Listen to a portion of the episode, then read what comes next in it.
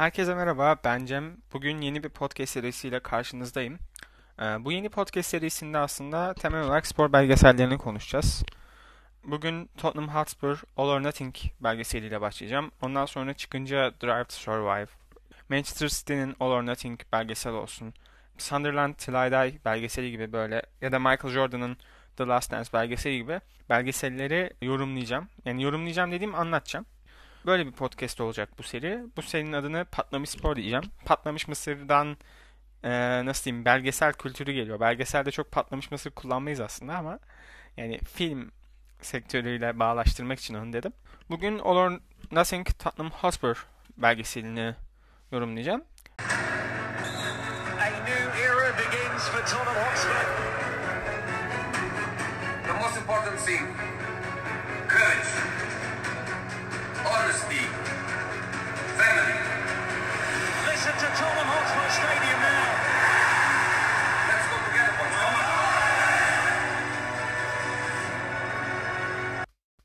Belgesel 9 bölümden oluşuyor ve Amazon Prime Video'nun yaptığı bir belgesel. 2019-2020 sezonunu ele alan bir belgesel. Yani genel olarak Pochettino ile başlayan, Mourinho ile biten Tottenham'ın 6. olduğu bir sezon. Yıllar sonra Şampiyonlar Ligi'ne kalamadıkları bir sezon. Yani beklentilerin altında kaldıkları bir sezon. Aşırı kötü başladıkları, ondan sonra Mourinho'yu getirip bir ivme yakalayıp sakatlıklara kurban verdikleri bir sezon aslında. Birinci bölümde zaten e, bunu işliyor. Birinci bölüm Pochettino Mourinho değişimini işliyor. Bu konu hakkında biraz konuşmak istiyorum.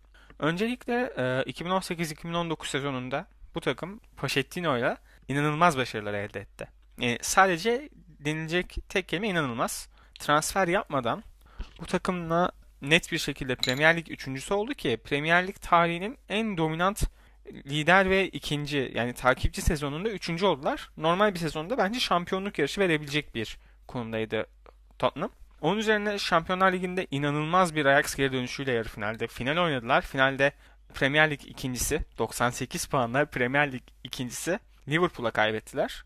Ve böyle bir sezonun ardından sadece belli transferlerle yoluna devam etti kadro. Mauricio Pochettino ile takımın omurgasını korudular. Son olsun, Moura olsun, Alli olsun, Kane olsun. Tabii ki kaptan Kane'i unutmayalım. Ve böyle ligde sezona başladılar. Sezona Pochettino ile çok kötü bir başlangıç yaptılar ve 3 galibiyet, 5 beraberlik, 4 yenilgi almış olmaları lazım. Ondan sonra çok tartışılan bir kararla Pochettino gönderildi. Yani bence ya ben futbolda ne yalan söyleyeyim bu benim kendi görüşüm. Böyle nasıl diyeyim? Ya bu spor kulüplerinin tabii vefalı olup olmaması büyük bir şey. Basketbolda da vardır bu. Ee, Boston Celtics'in kardeşi vefat edince ertesi gün sahaya çıkan Isaiah Thomas'ı sezon sonunda Kyrie Irving için takaslamış olması vardır mesela. Basketbolda takas olayları daha fazla olduğu için daha çok örnek verilebilir. Ya da alacağından vazgeçmiş topçuyu bir sene sonra kapı dışı eden takımlarda olabilir. Yani bunun örnekleri bir sürüdür. Sporda vefa olayı çok tartışılan bir şey ama bence bu kulübü, bu saygınlığa, bu başarılara yani başarı olarak kupa getirmedi Pochettino. Bunu kabul ediyorum. Ama Premier Lig'de 3. olmak Tottenham için büyük bir başarıdır. Önceden Top 6 diye bir kavram yoktu. Pochettino döneminden önceki Tottenham böyle bir kavrama girmiyordu net bir şekilde. Ki son kupalarını 2008'de kazanmış bir kulüp. Yani Pochettino gelene kadar 5 sezonda kupa kazanamamışlar. 60 küsür yıldır lig kazanmamış bir takımdan bahsediyorum. Onun için yani başarı kültürü gibi böyle nasıl diyeyim Türkiye'den örnek vereyim. Fenerbahçe, Galatasaray, Beşiktaş olursunuz. Pochettino size gelir, çok iyi top oynatır. 5 sene, 5,5 sene takımı yönetir. Ama tek bir kupa bile alamaz. Tamam gönderirsiniz anlarım. Ama eğer Pochettino Türkiye'de atıyorum Trabzonspor'a gelip uzun yıllardır kupa alamamış ama tarihi olan bir kulüpten bahsetmek istiyorum burada. Çok güzel top oynayıp inanılmaz başarılar elde edip böyle çok dominant Fenerbahçe Galatasaray'ların arasında net bir üçüncülük olup böyle 60-70 puanlarla üçüncü olup ondan sonra en küçük düşüşte Pochettino'yu gönderirseniz gene sıkıntılar yani. Bence bu bir yanlıştır yani. Şunu demek istiyorum. Çok lafı biraz uzattım Pochettino konusunda ama yani ben Pochettino hocayı çok seven bir insanımdır. Bugün Mourinho Tottenham'ın teknik direktörü ise e, bunu sağlayan adam aslında Pochettino'dur. Çünkü yıllar önce Tottenham Jose Mourinho'yu çekebilecek bir kulüp değildi. Jose Mourinho yani nasıl diyeyim çok büyük bir ego. Egodan daha çok çok büyük başarılı bir kariyer. Zaten yani bahsettiğimiz adam kariyerinde her çalıştırdığı takımda kupa almış bir teknik direktör. Belgeselde de buna çok değiniyorlar bu arada. Yani 12-13 yıldır kupa alamamış bir takıma geliyor. Ki yani kariyerinin en en düşüş noktası Manchester United'da bile kupa kazanmışlığı var. FA Cup'ı kazandı. Pochettino'ya buradan bir saygı duruşu yaptıktan sonra Mourinho dönemine geleceğim. Mourinho geldiğinde takım çok kaotik bir durumdaydı. Çünkü takımın nasıl desem böyle ana hücum attığı Ali, Son, Kane öncelikle çok Pochettino'ya sadık oyunculardı. Özellikle Son zaten e, Pochettino'ya gönderdiklerinde Son'un bir yüz ifadesi var. Kane'in de var. Yani belli adamlar şey yani böyle mi bitecekti bu diye bakıyorlardı resmen. Ondan dolayı oyuncuları toplayacak bir hamle olması için Mourinho çok iyi bir hamle. Yani çünkü atıyorum ee, siz Pochettino'yu kovuyorsunuz. Gidip yerine sıradan bir adam getirseniz oyuncular tekrar motivasyon bulmakta zorlanabilirler. Yeni hocaya inanmakta zorlanabilirler ama getirilen adam da Mourinho olunca e, orada o geçişi çok iyi yaptı Tottenham. Yani çok iyi yaptı değil mi? Pochettino'yu kovmak konusunu eleştiriyorum. Pochettino'dan sonra o dönemde getirilebilecek en iyi hocayı getirdiler. Bu dönem o dönem aynı zamanda da Ancelotti boştu sanırım ama Mourinho Ancelotti mi deseniz ben Mourinho derim hala. Ki ben çok büyük bir Mourinho hayran değilimdir. Ben Pep Mourinho kıyasında ağır Pepçiyimdir bu arada. Ki 2018 Manchester City belgeseli de var. Ben daha izlemedim. Amazon Prime videoyu yeni almış olmamdan olabilir bu. Ee, onu da izledikten sonra onu yorumlayacağım. Yani ama yani Mourinho nasıl desem motivasyon anlamında Pep'ten daha iyi bir hocadır bence. Zaten bunu belgeselle de gittikçe yorumlayacağım. Yani onun için oyuncuları motive etmekte çok iyi bir hamleydi ki zaten bunu göreceğiz ilk maçlarda. Birinci bölüm bunun üzerineydi direkt. Ondan sonra Mourinho'nun ilk 3 maçı Eric Dyer ve Dele Alli üzerine de ikinci bölüm var. Mourinho'nun ilk 3 maçı takım bir enerji buldu. Kendilerini Mourinho'ya ikna etmek için ayrı efor gösterdiler. Ee, ve ilk 3 maçından Mourinho galibiyetle ayrılıyor. Bir kere Mourinho'nun nasıl desem devre aralarında takımdan inanılmaz bir tepki aldığını görürüz. West Ham geri dönüp kazandıkları maç. Olympiakos geri dönüp kazandıkları maç. Ve yani bu maçlarda da zorlanıyorlar aslında belli ölçüde skor olarak da. Gol yiyen bir takım. Tottenham bir Mourinho takımından aşırı fazla gol yemesini beklemezsiniz. Ben beklemem. Sıkıcı futbol beklerim Mourinho'nun takımından. Yani üreticilik sonunu çeken bir Tottenham var bu arada. Yani maçların ikisi de 3-2 bitti ligdeki maçların. Olympiakos maçı 4-2 bitti. Yani gol ortalamaları 3.33 ama orada başka bir olay var. Oraya geleceğim. İlk 3 maçı Mourinho'nun aşırı başarılı geçti. Ondan sonra bu bölümde de iki şey denildi. Bir, Eric Dyer'ın kazanılması. İkinci olarak da Dele Alli'nin geri dönüşü. Öncelikle Eric Dyer'la başlayacağım. Eric Dyer'ı Mourinho'nun önceden de transfer etmek istediği ta Portekiz'deyken bahsedilen bir olay. Ki transfer edememişi de çok ortada kalan bir transfer. Ki o transfer de vakti zamanında olabilirmiş. Çünkü Dyer belgeselde ben Manchester United tutuyordum diyor küçükken. Mourinho da eski Manchester United teknik direktörü yani olmaması için inanılmaz bir sebep yok. Yani dediğim gibi aslında buraya da geleceğim. Gördüğünüz üzere Eric Dyer Manchester United tutuyor. Ama profesyonel bir şekilde de futbolunu oynuyor. Bu Türkiye'de olmayan bir şey aslında. Çok insanların hangi takımı tuttuğuna çok değer veriyoruz. Çok gereğinden fazla önem gösteriyoruz. Ama neyse bu konuyu da atmayacağım. Eric Dyer'ı ilk maçında oynattı Mourinho. Çok kötü oynadı Eric Dyer. Defans hatalar yaptı. Ve Eric Dyer'ı ikinci maç, pardon dördüncü maçı olan United maçında kesecekti. Ama Eric Dyer'ı kesmedi ve Eric Dyer'dan çok güzel bir katkı almayı başardı. Oyuncuyla da konuştu direkt yüz yüze. Zaten Mourinho'nun bu konuşmaları çok meşhurdur ve Eric Dyer'ı kazanmayı başardı. Bu büyük bir şey yani. Çünkü oyuncular gitgide takımdan kayboluyor ve sen bunu kazanmalısın. Teknik direktör olarak bunun için getirilmişsin ve kazanıyorsun. Bu Mourinho'nun için inanılmaz bir artı. Mourinho bunu ne kadar takıyor bilmiyorum ama yani özel bir hoca olduğunu aslında Mourinho'nun da biraz kanıtladığı bir belgesel serisi diyebilirim. Yani Mourinho adına bence güzel bir belgesel serisiydi bu. Kariyeri düşüşte olan bir teknik adam. Tabii en önce bulunduğu yerden düştüğü yerde şu an çok kötü bir teknik direktör değil. Türkiye seviyesine düşmedi en azından ama yani kariyer düşüşte olan bir teknik adam için güzel bir reklam. Formu düşüşte olan bir takım için güzel bir reklam. Bence belgesel çok başarılı bu arada Tottenham adına. Ondan sonra Ali var. Dele Ali ve ben Paul Pogba'yı çok benzetirim. Bu iki topçu da aşırı uzun bacaklılardır. aşırı uzun bacaklılardır. Ee, çok estetik hareketler, işler yapabilirler. Estetik goller, estetik asistler falan. Ama ikisi de istikrarsızdır. Ve canları istediğinde oynarlar. Zaten ilk antrenmanı var Delali'nin Mourinho döneminde. Mourinho diyor ki I know you are a lazy man but you need to practice gibi bir cümle geçiyor aralarında. Yani tembel bir adam Delali. Çok böyle takıntılı bir adam değil böyle. Çok rahat, cool, relax bir arkadaşımız. Ve yani Delali'nin önceki tweetleri falan var. Mourinho hiçbir şey bilmiyor. Onun için çalışan oyuncular üzülüyorum gibi mailleri, ay, tweetleri vardı Delali'nin. biliyordur büyük ihtimalle Jose Mourinho. Ama şöyle bir tavsiyesi varmış Manchester United'dayken Alex Ferguson'ın. Deli Ali'yi al. Deli Ali'yi al. Deli Ali'yi al diye tavsiyesi varmış bu arada. Bahsettiğimiz adam Sir Alex Ferguson. Onun için Mourinho kazanmak istiyor. Ve oyuncuya yani tam aslında yani daire yaptığının çok tersi bir yaklaşım yapmıyor ama yapıyor. Daire geliyor. Güzelce insan gibi soruyor. Diyor ki Pochettino'yla neden son dönemde uyuşmadın? Neden son dönemlerde oynamadın? Erik Dyer diyor ki sakatlıktan sonra hoca çok dikkatli davranıyordu bizi sahaya sürmek için. Ondan sonra ben şans bulamadım diyor Erik Dyer. Delali'ye gelince Delali'ye ilk gel bu belgeselde görmedim bu arada bunu. Bunu canlı haberini okudum, izledim. Diyordu ki Delali kendisi gibi oynamalı, babaannesi gelmiş gibi oynamamalı. Delali'ye böyle direkt sert girdi. Şöyle diyeyim, Mourinho da Ali de geldi ilk gün yüz yüze konuştu. Hesaplaşmasını yaptı. Hesaplaşmayı Erik Dyer'la yapmadığı gibi yumuşak bir dille yapmadı. Sert bir dille yaptı. Delali'ye dedi ki Alex Ferguson bana seni al diyordu. Sen çok yetenekli bir oyuncusun. Sana inanıyorum. Potansiyelin var. Bunu kullanmıyorsun. Tembel bir adamsın dedi direkt. Verdiği ima buydu aslında. Ve Dele Alli bundan sonra sezondaki uzun süre sonra belli bir dönem istikrarlı olarak çok iyi oynadı. Ta ki Harry Kane sakatlanana kadar. Ee, Harry Kane sakatlanmasa belki Tottenham sezonu apayrı bir yere gidebilirdi. Hatta son bile sakatlanmasa apayrı bir yere gidebilirdi. Ee, Dele Alli'yi kazandı. Bu çok önemli bir şey çünkü kendisine saygı duymayan bir oyuncuyu kazandı. Zaten Dele Alli'nin de Mourinho'ya saygı duymadığını ilk brief'ten anlıyoruz. İlk toplantıda Mourinho'ya bakışı var böyle. Sen anlat hocam ben uyuyorum kafasında. Ondan sonra Dele Alli hırs küpü bir topçuya dönüştü. Şişeleri fırlatıyor, takım arkadaşlarıyla laf dalaşına giriyor. Laf dalaşına girdiği adam da bu arada Erik Dyer yani. Takımdaki Tottenham takımını herkes bilir. Mourinho gelmeden önceki halini özellikle.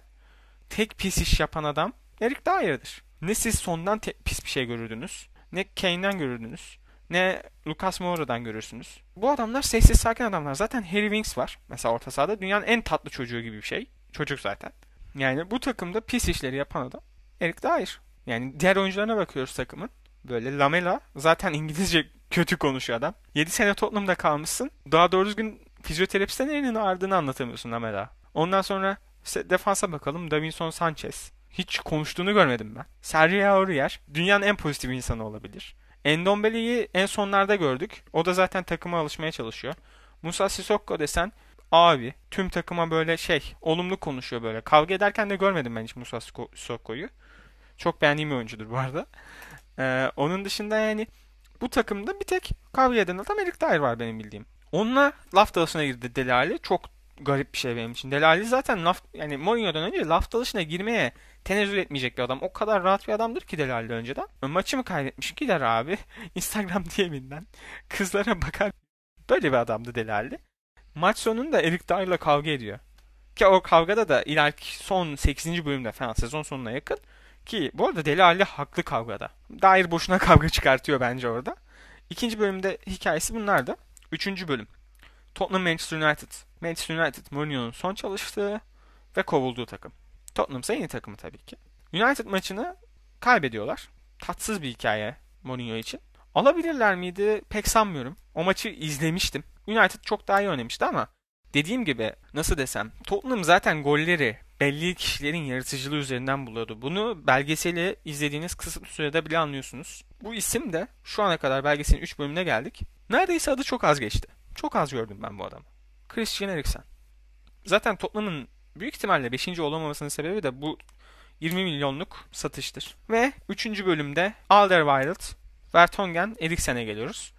Öncelikle e, belgeselde Eriksen Vertonghen dedikodusuna, Vertonghen Eriksen'in eşiyle tat Eriksen için tatsız şeyler yaşamış. Goygoyuna hiç girilmemiş. Burada hep oyuncularla konuşuyorlar. E, kontrat imzalamanın onun için öneminden, Tottenham'ı ne kadar sevdiklerinden, Fertongen Alderweireld'ın ta Ajax altyapısından beri beraber oynamalarından falan bahsediliyor. Ee, ve Fertongen zaten sezonun sonuna doğru takımdan kesiliyor. Bayağı net bir şekilde kesiliyor Fertongen. Çok görmüyoruz. Eriksen de Mourinho döneminde 11 çıktığı maç olmayan bir oyuncu bu arada. Ki Eriksen yani tartışırım ben Ali Eriksen karşılaştırmasında her zaman Christian Eriksen diyen bir insanımdır. Hala da derim. Ama burada da Christian Eriksen gördüğüm en profesyonel ama profesyonel olmayan topçu olabilir. Çok ilginç bir kalıpla girdiğimi biliyorum ama şöyle gol sevinçlerinde bile 3 bölüm izledik burada. 4-5 bölüm. 5 bölüm boyunca Eriksen var Tottenham'da. Gol sevinçlerinde bile adam üzgün. Ve ben bu podcast 27 Ocak çarşamba günü 2021'de çekiyorum. 26 Ocak'taki Inter Milan kupa fini, kupa maçında İtalya kupası maçında Eriksen bir frikik atıyor.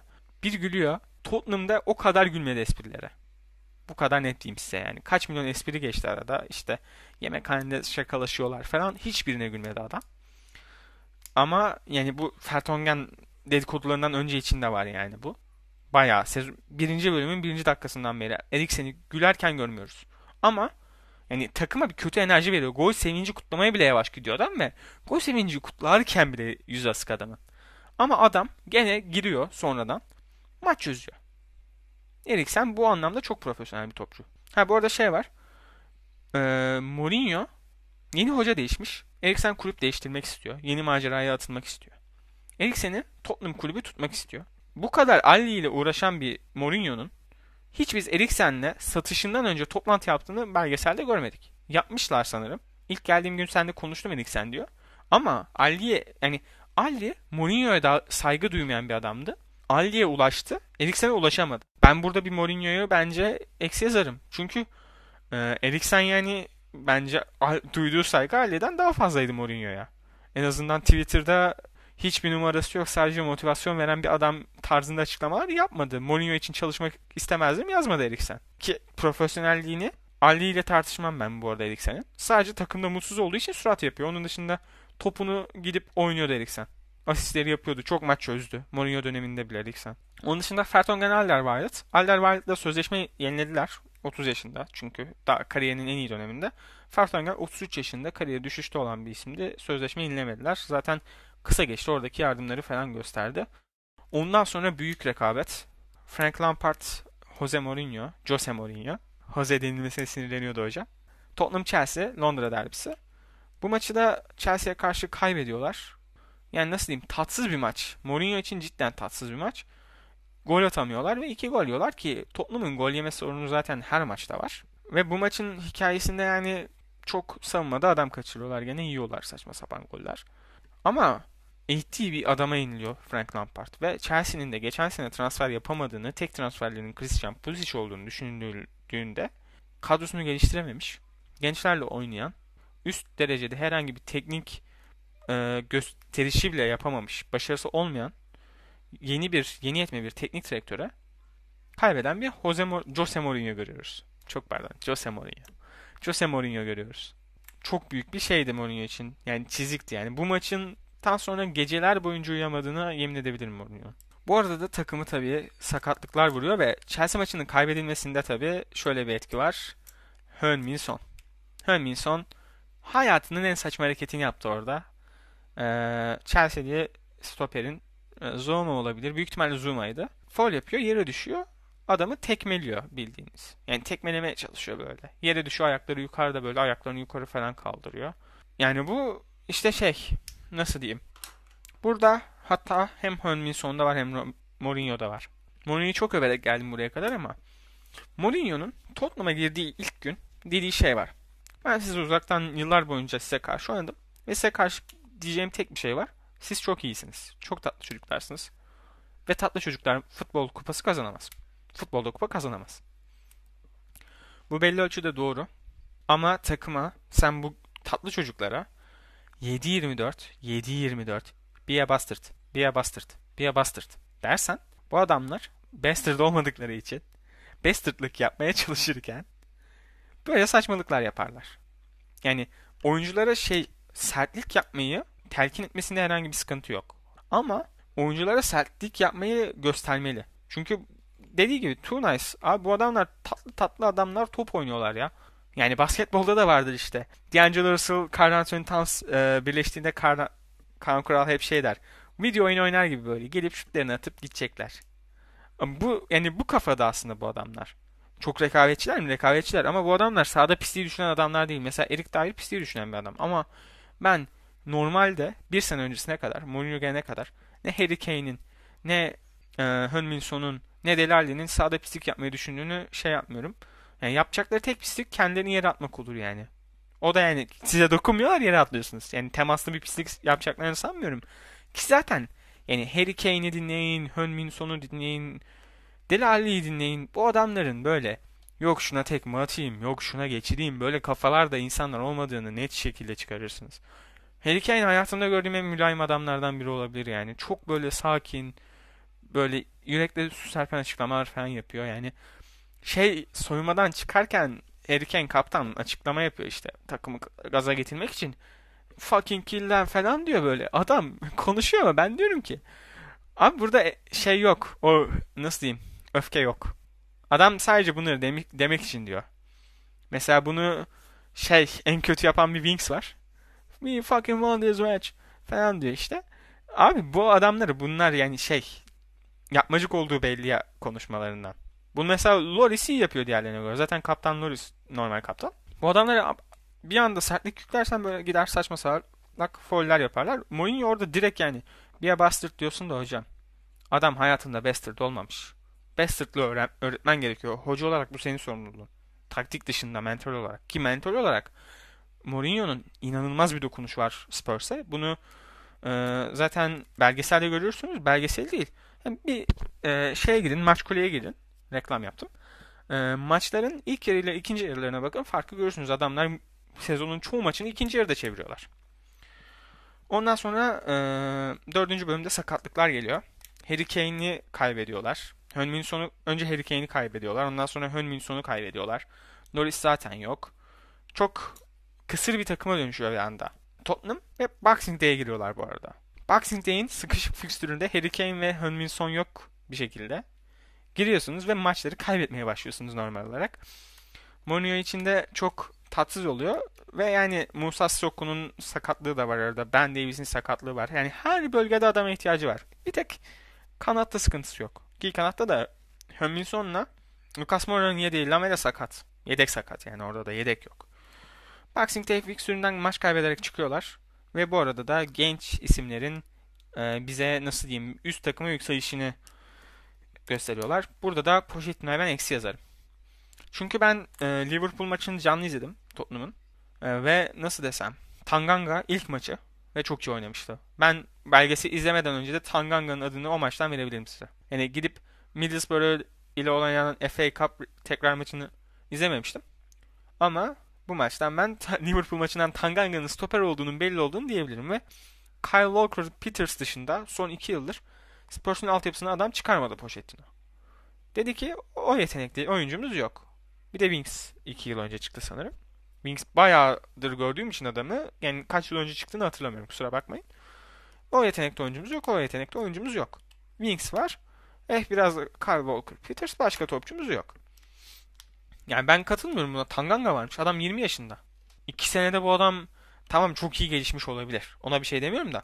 Az takımla antrenman yapmadan bu kadar gelişmiş olması çok garibime giderdi yani. Herif çok sakindi maçta da. Tam düzgün bir çocuk Tanganga'da yani öyle pislik bir herif değil.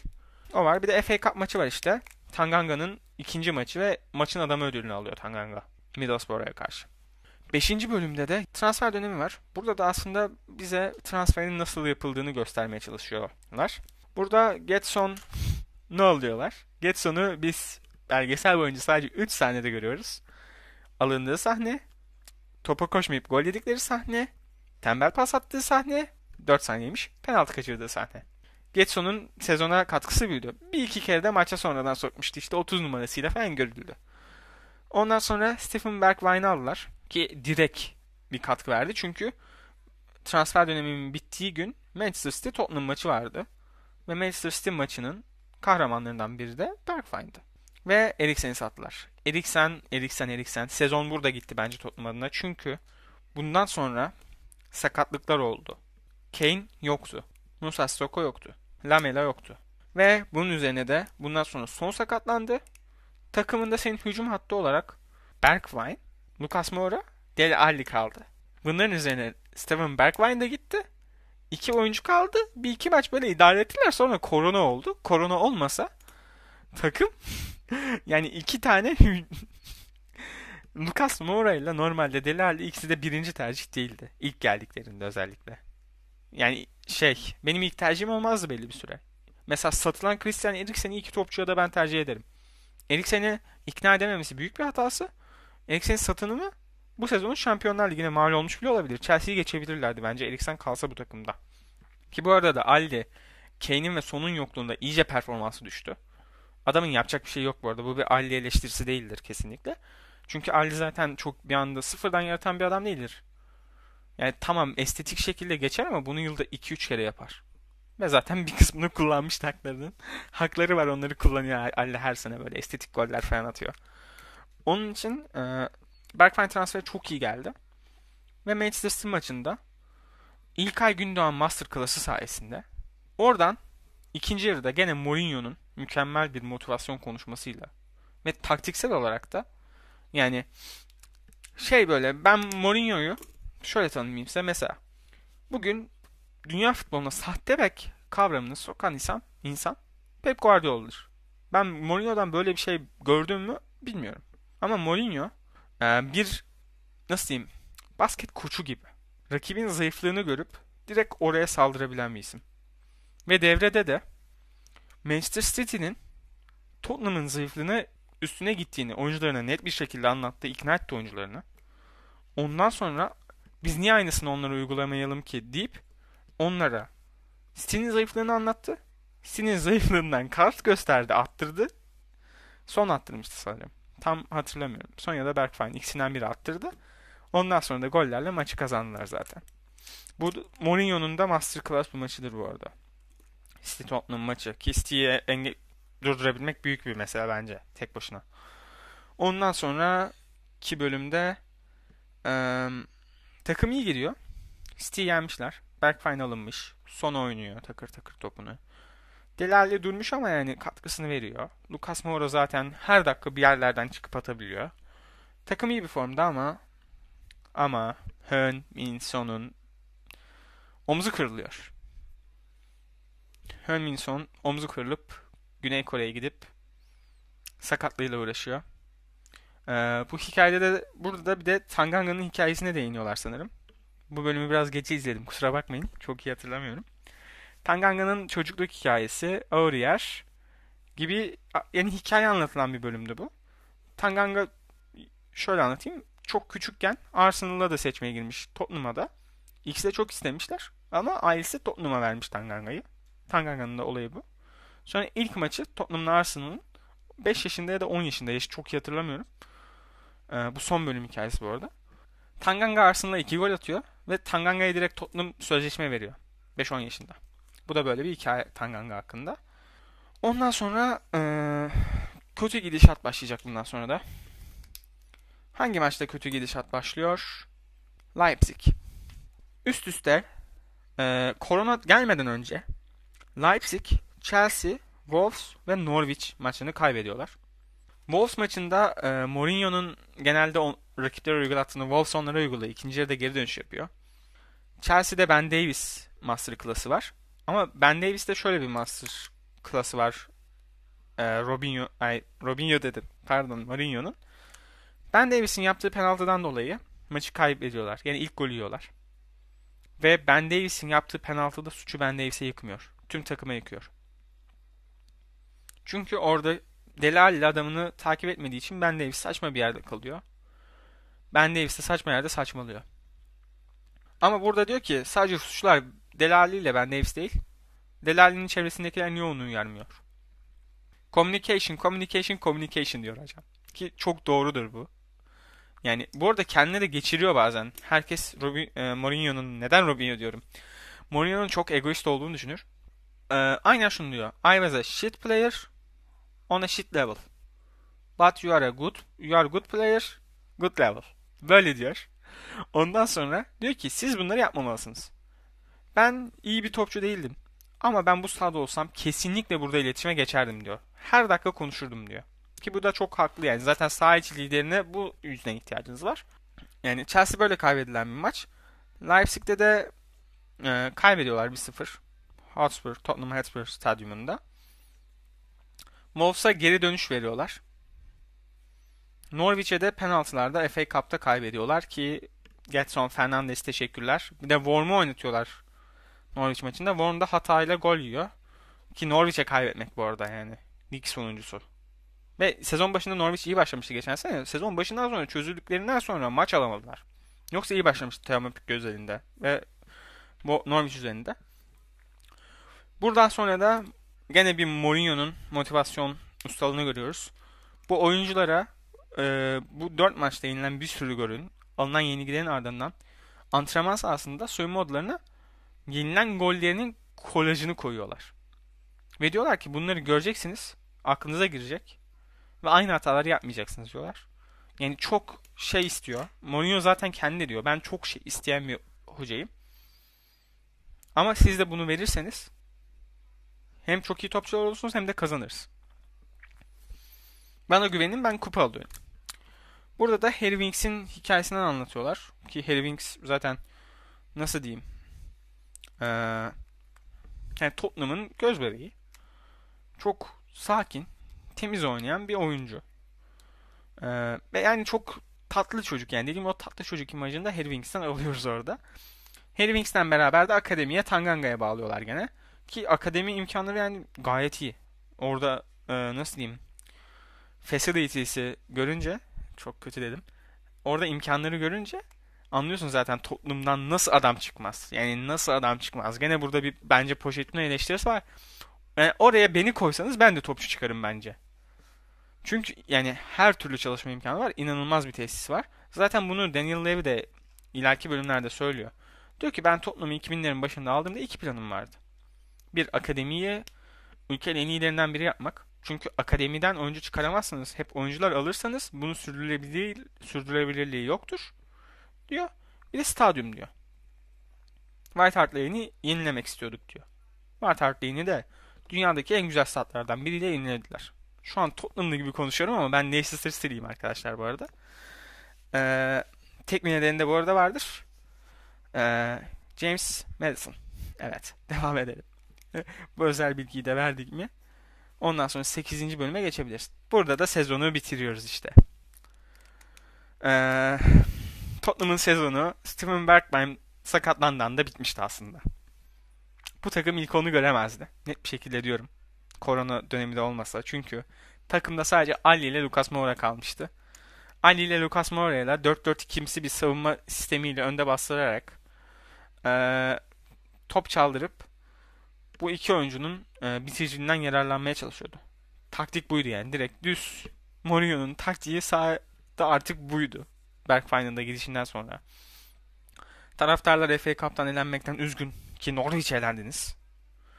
Ee, Premier Lig'de durum kötü gidiyor. Maçlar kaybediyorsunuz. Chelsea'ye kaybetmişsiniz. Wolves'a kaybetmişsiniz ki bunlar sizin Şampiyonlar Ligi yolunda direkt rakibiniz. Leipzig'ten evinizde yenilmişsiniz. Dışarıda yenmeniz gerekiyor. Ki çok zor bir şey.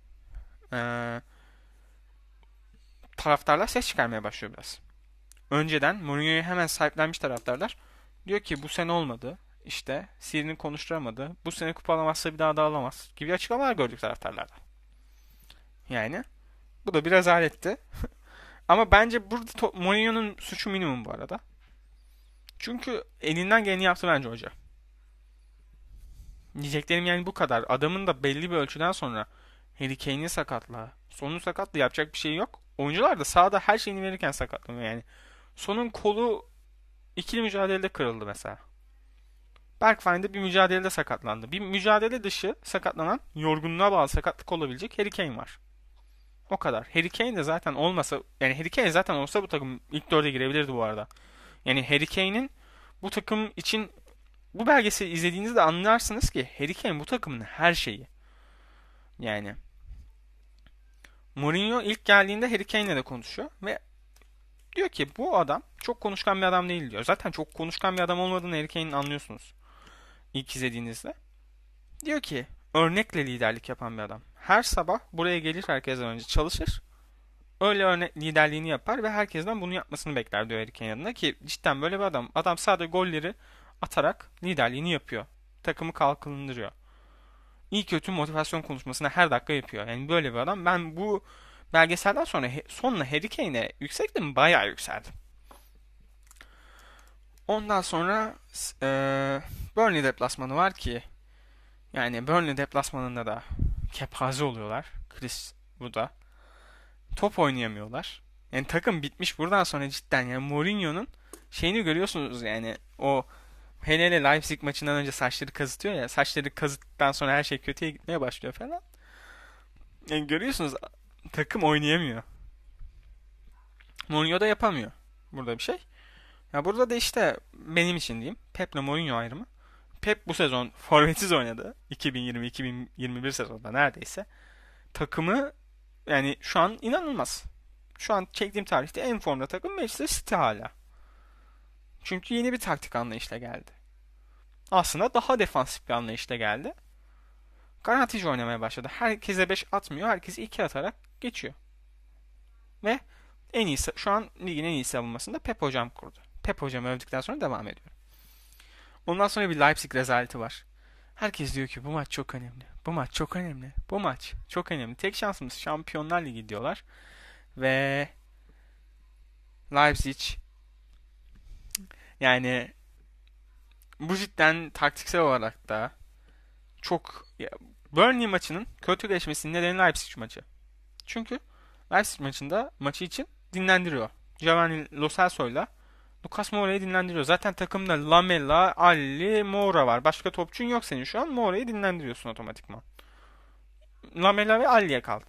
Geçmiş olsun. Geçmiş olsun. Formsuz bir Ali bu arada. Formu düşüyor buralara doğru.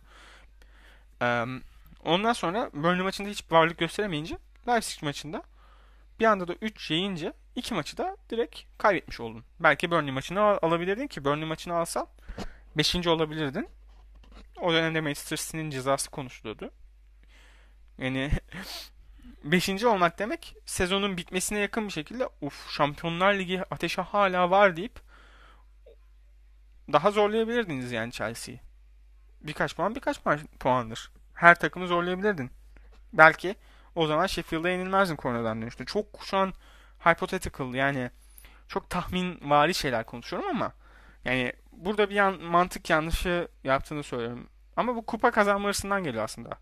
Yani ben teknik direktör olsam Leipzig maçından daha çok Burnley maçını önem, önemserdim. Şampiyonlar Ligi'nde çeyrek finali görebilirsin. Buna kabul ediyorum. Ama Şampiyonlar Ligi'ni kazanma ihtimalin çok az. 10 yerine 4. olmaya odaklanman gerekiyor senin ligde. Bence. Seneye Şampiyonlar Ligi'ne gidebilmek için. Çünkü seneye senin takımında sonuna Kane olacak. Çok daha iyi bir takımsın şu an olduğundan. Seneye kazanma ihtimali daha yüksek olabilir ki transferlerle falan. Neyse. Devam edelim. Ondan sonra korona arasına giriyorlar. Korona arasında kulübün tutumunu belgesel bize anlatıyor. İşte önce bir e, belirsizlik hakim. Zaten Daniel Levy de diyor ki belirsizlikten daha kötü bir şey yoktur diyor belgesel içinde. Bence de yoktur. E, korona arasında herkese özel program hazırlıyorlar. Zoom'dan hala bir etkileşimi tutmaya çalıştıklarını anlatıyor burada belgesel. Ondan sonra korona sonrası Manchester United maçından bahsediyorlar. Ee, o maçta da Manchester United'ın gene iyi oynadığı bir maçtı. O maçı da kaybediyorlar. Ee? Yok berabere miydi maç? Beraber olması lazım. Ya, yanılmayalım şimdi. Ya United iyi oynayan tarafta onu hatırlıyorum. Aynen beraberlik 1-1. 1-0 devreye giriyorlar. Ee, Bruno Fernandes'in kendi yarattığı maç evet. Ee, yani United ikinci yarıda çok çok sağlam gelmişlerdi. Bu arada Tottenham beklenmedik anda saçma sapan goller yiyorlar. Baskı yediklerinde gol yemiyorlar. Böyle bir olayları vardı geçen sezon boyunca. Manchester United'dan ikinci yarıda o kadar baskı yediler. Sadece bir gol yediler. Ki bence bu da başarı. Ve Manchester United maçından da en azından kaybetmeyerek yolunda devam ediyor. Ki Şampiyonlar Ligi finalleri umutları aşırı düştü yani şu anda.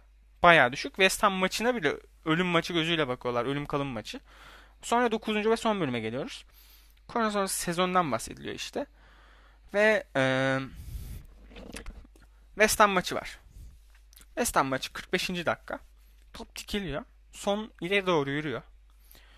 E, oyuncunun önünde kalıyor top. West Ham maçı mı? Diğer maç mı? Sanırım West Ham maçı ama başka bir maçta olabilir. Çok iyi hatırlamıyorum şu anda bunu. E, son yürüyor. İleri doğru, hücuma doğru. 45 artık kaç? Yani soyunma odasına yürüyor bile denilebilir yani. Çok rahat yürüyor. Ondan sonra top adamın önüne düşüyor. Kaleye vuruyor. Dışarı çıkıyor ama Loris'te yani net bir şut açısı var. Loris sinirleniyor. Son sakin sakin soyunmaya der, giderken Loris sinirleniyor. Son üstüne yürüyor. Kavga soyunma odasına da taşıyor. Mourinho çok sakin. Aşırı sakin. belli bir süre sonra kavga büyümeye başlayacağını hissettiği anda direkt kavgayı ayırıyor ve sona bakarak direkt diyor ki eğer buradan doğru sonucu çıkarırsan çok güzel bir tartışma yaşadık. Teşekkürler çocuklar diyor. Bu yani Mourinho'yu Mourinho yapan olay bu aslında. Bir kavga yani bu takım içinde inanılmaz sorun oluşabilecek bir kavgayı bile olabilecek en iyi çözümden çıkarttırdı. Bundan sonra son Loris'in zaten ya son kimle kavga edecek Allah aşkına. Loris de yani öyle aşırı kötü bir adam değildir. Yani mesela bunu Dahir'la Loris yaşasa daha sert bir şeyler yaşanabilirdi. Ama nasıl desem yani son ağız var dili yok zaten Güney Korece bir şeyler söylüyor. Kavga çıkmayacağı belli. En fazla kendi dilinde ne der Loris? Loris de sanırım Fransızca konuşuyordu orada. Aynen aynen. Fransızlar işte Aurier, Sokko, Loris bir, kendilerinde bir şeyler konuşuyorlar kavga esnasında. İki yani oyuncu da kendi dillerinde küfrediyorlarsa kendi dillerinde küfrediyorlar. Orayı anlamadım. Ee, onun için kavgada çıkmıyor. Anlamadıkları için birbirlerini. Zaten ondan sonra öpüşüp barışıp koklaşıyorlar ki Mourinho da çok güzel yönetiyor süreci işte. Diyor ki buradan anlayacağınız tek şey 45. dakikada, 90. dakikada, 1. dakikada aynı eforu göstermeniz gerektiğidir. Konsantrasyonunuzu düşürmeyin. Buradan olumlu şeyler alın. Takım için kavga etmeniz güzel diyor. Mourinho'nun dediği şey de bu. Ondan sonra da belgeselin sonuna doğru önemli bir Arsenal maçı var. Tabii yani çok ölü bir sezon.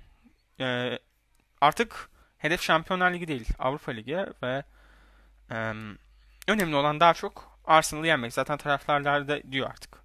Hiçbir şey için savaşmıyoruz artık onurumuz için savaşıyoruz diyorlar. Ve Lacazette inanılmaz bir gol atıp Arsenal'ı öne geçiriyor. Ama ondan sonra her zamanki gibi Mourinho döneminde olduğu gibi Tottenham e, geri düşmelerine rağmen pes etmeyip maça tutunup e, alıyorlar. Ki bu dönemde zaten sonuna Harry Kane dönmüş. Zaten az önceki son kavga etti. Yani maçı Arsenal'a karşı alıyorlar 2-1. Taraftarlar mutlu. Ve 6.lık 5. Lig Savaşı, Avrupa Ligi Savaşı devam ediyor. Ondan sonra e, Avrupa Ligi için 3 maçın 3'ünü kazanmalıyız gibi konuşuyorlar. Ki doğru bir açıklama. Puan olarak önlerinde 3 takım var. En öndeki takımdan 3 puan geriler. E, ikinci takımdan 2 puan geriler. Üçüncü takımdan 1 puan geriler. E, Newcastle'la oynuyorlar. Newcastle e, geçen sene vasat bir takımdı. Bunu biliyoruz. Onun için yani 3-1 yeniyorlar. İnanılmaz bir hikayesi yok. Ama geçen sezonun sürpriz takımı Çağlar Soyunculu, James Madison'lı, Jamie Vardy'li, e, Andy Dilli, Rory Tilleman'lı Leicester'ı maalesef 3-0 yenip Şampiyonlar Ligi potasından eliyorlar. Kendilerini Avrupa Ligi potasına atarken. Çok tatsız bir maç. Leicester City maçları taraftarları için. Ondan sonra da son hafta Wolverhampton'dan bir puan fazla almaları yeterken Wolverhampton, e, Wolverhampton diyorum. Crystal Palace'la bir bir beraber kalıp e, geçiyorlar. Yani Şampiyonlar ay Avrupa Ligi e, sıralamasına geçiyorlar ve 6. oluyorlar. Son 16'da Leipzig'e karşı bir rezaletle elendiler. Ee, son 16'da gene sanırım. Tam hatırlamıyorum. Norwich elendiler FA Cup'tan. Lig kupasından Pochettino döneminde oynanmıştı zaten. Böyle bir sezon geçiyor Tottenham adına. Bu sezonun belgeseliydi. Belgesel adına belgesel bize çok taktiksel anlamda bir şey verdi mi Mourinho hakkında? Hayır. Maç analizleri görüyorsunuz net şekilde. Maç analizlerde oyunculara da zaten taktikten çok nasihat veriyor. Oyundan düşmeyin. Savaşın. Konsantre olun. Yani bu kadar fazla diyor ki oyundan düşmeyin de konsantre olun. O kadar fazla diyor ki zaten aynı şey aslında. Ve yani iyi çocuklar olmayın, kavgacı olun diyor. Kavgacı olmazsanız kazanamazsınız diyor. Mourinho'nun genellikle dedikleri bu. Büyük maçlarda özellikle City ve United maçlarında rakibin savunmalarının ee, açıklarını hücum üzerinden buluyor. Burada bir Mourinho'nun taktiksel anlamından bakışını görebildik. Onun dışında inanılmaz bir bakış verdiğini bize düşünmüyorum taktiksel anlamda. Ee, onun dışında transfer dönemi hakkında bence bize verilebilecek en iyi bilgiyi verdi belgesel. Çünkü transfer dönemleri yani gizli yürütülmesi gereken dönemler ve yani bunlar kayıtda canlı olarak alınıyor sonuç olarak şimdi. Başka bir takım bu kayıtları ele geçirse atıyorum Getson Fernandes United veriyor ki ben 55 milyon opsiyon koydum. Yani Benfica diyor ki ben senden 60 istiyorum der normal olarak. Onun için onun da yani bize yansıdığı kadarı bence yeterliydi belgeselde. Ee, takım içi yemekhaneden falan esnanteler oluyor. Oyuncuların birbirleriyle iletişimini görebiliyoruz ki Spurs'un zaten gol sevinçlerinden de anlarsınız. İnanılmaz bir takımdaşlık var. Yıllardır beraber oynuyorlar çünkü. Bayağı yıllardır büyük transferler de yapılmadı takıma. En son büyük transfer Mourinho döneminden önce işte bir Tango Endombele vardı. O oynamadı Mourinho döneminde. Son bölümde Tango Endombele'ye de değiniyorlar ama ilk yani Tango Endombele Daniel Levy ile konuşuyor ben oynamıyorum diye. Daniel Levy diyor ki ilk sezonlar her zaman zordur. Ki zordur zaten yani Tango Endombele e, Musa Sissoko ile çok yakın. Sissoko'nun da ilk geldiğinde zaten Tottenham'da inanılmaz oynamadığını biliyoruz. İlk yılları çok kayıptı. Hatta Musa Sissoko bir ara Fenerbahçe'ye geliyordu. Yani hatta Musa Sissoko da Türk medyası için Alper Potuk'tan bir farkı yok denildiğini hatırlıyorum. Bu da böyle bir anımdır. Ee, onun dışında belgeselin bize e, eksik verdiği bence stadyum. Stadyuma daha fazla değinebilirlerdi. Çünkü yani stadyum hakkında ben ayrı bir program izledim. D-Max'te.